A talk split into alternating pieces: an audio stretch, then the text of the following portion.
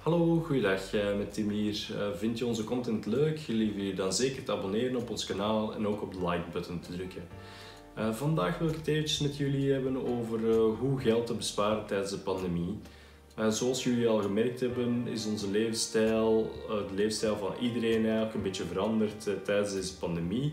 Het is nu namelijk ook zo dat uh, tijdens de pandemie alle kapperszaken gesloten zijn.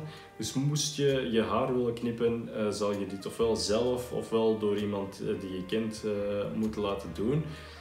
mits deze persoon natuurlijk in je bubbel zit en dat je daar ook naartoe mag gaan. Uh, in mijn geval is het zo dat uh, mijn vrouw mijn haar knipt. Uh, dus ja, moest mijn haar er een beetje bizar uitzien, dan is dat omdat mijn vrouw dat geknipt heeft. Maar ik vind het op zich wel zeker geslaagd. Op zich bespaar ik hier ongeveer 19 euro door per maand. het is ook niet alleen het geld dat ik hiermee bespaar, het is ook de tijd om telkens naar de kapper te gaan, de tijd om te parkeren en het geld dat ik uitgeef om te parkeren ter plekke. En dan ook nog eens uh, de tijd uh, die ik, moet, uh, die ik verlies door terug naar huis te komen. mijn vrouw heeft gewoon via YouTube tutorials en via het internet eigenlijk een beetje geleerd om haar bij te knippen. Mijn haar is nu niet zo moeilijk, dat moet gewoon een beetje bijgeknipt worden aan alle kanten. Dus op zich was dat redelijk snel gebeurd. En kan dit ook gewoon thuis.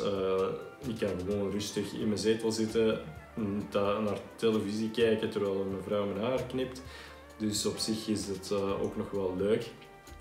Een andere optie waarmee dat ik uh, geld bespaar is door uh, geen fastfood meer te kopen. sinds maart 2020 heb ik eigenlijk geen fastfood meer gekocht.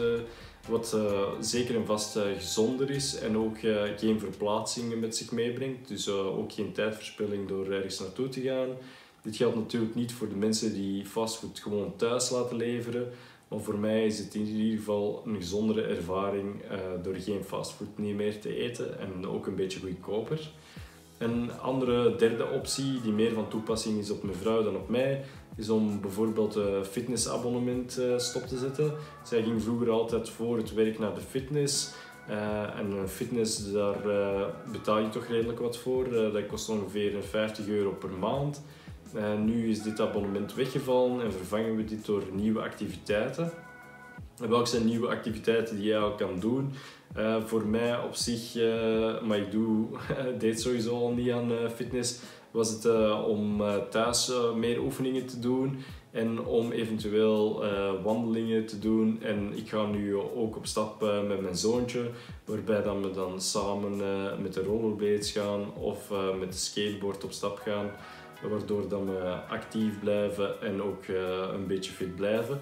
Eh, voor mijn vrouw, haar eh, fitness is dit nu vervangen door YouTube filmpjes waarin ze aan aerobics doet en ook yoga.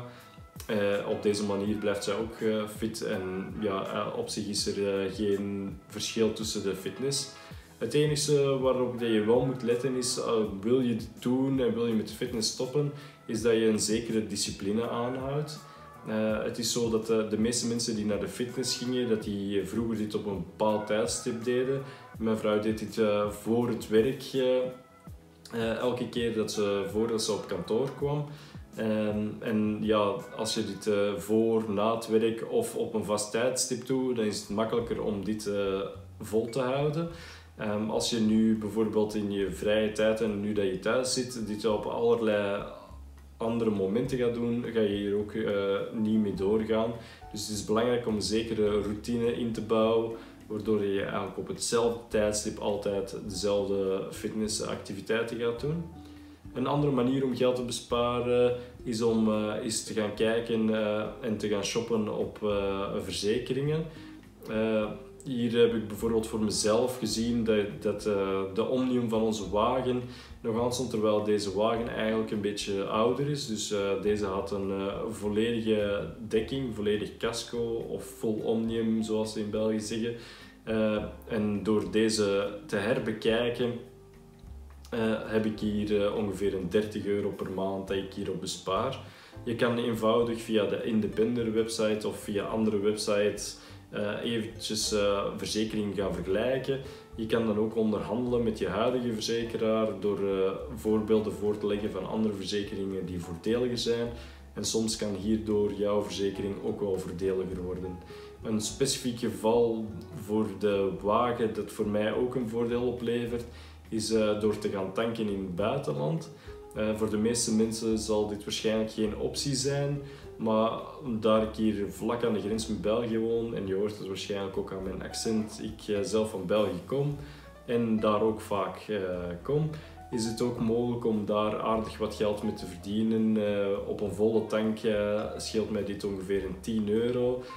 Dit is, lijkt misschien niet veel, maar als je elke week een vol tanken, tankt en dit is buiten tijden van COVID, gebeurde, dit wel vaker. En dan scheelt dit een aardig centje om naar België te gaan tanken.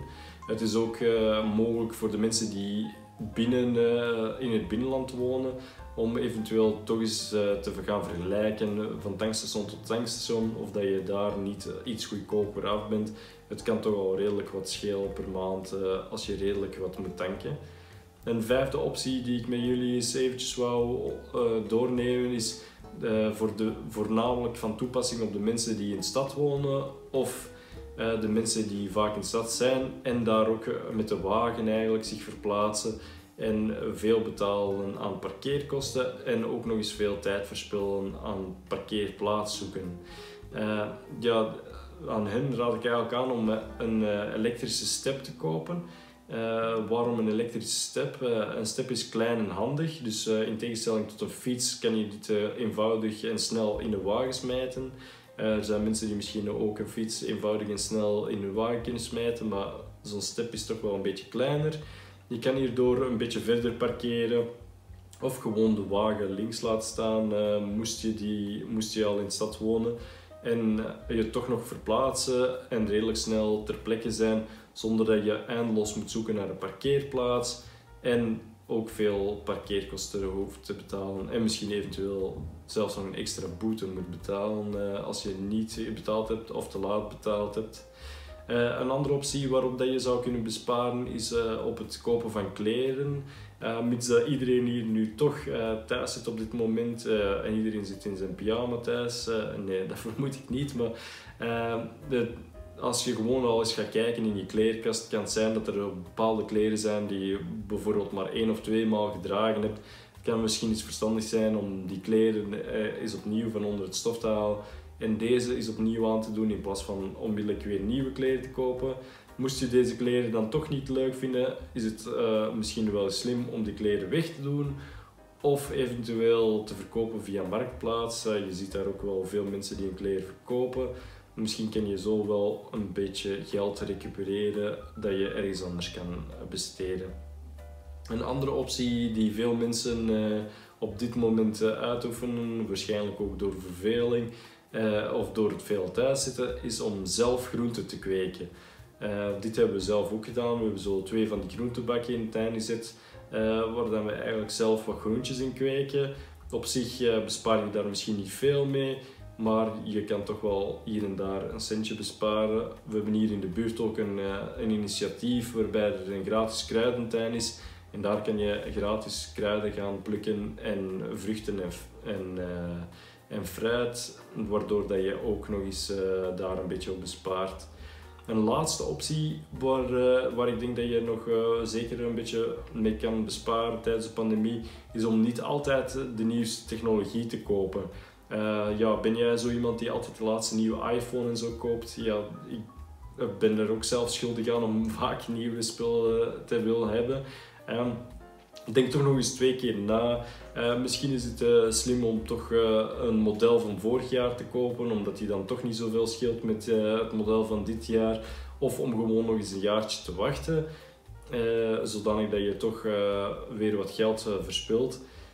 Minder verspilt. Ehm, de mogelijkheid zit er ook in om bijvoorbeeld jouw oude telefoon terug te verkopen via een online markt zoals Marktplaats of tweedehands zodanig dat je ook een uh, deel van het bedrag dat je moet besteden aan de nieuwe telefoon terug recupereert en dat je dit, ja, dat die nieuwe telefoon ook weer een pakje goedkoper wordt.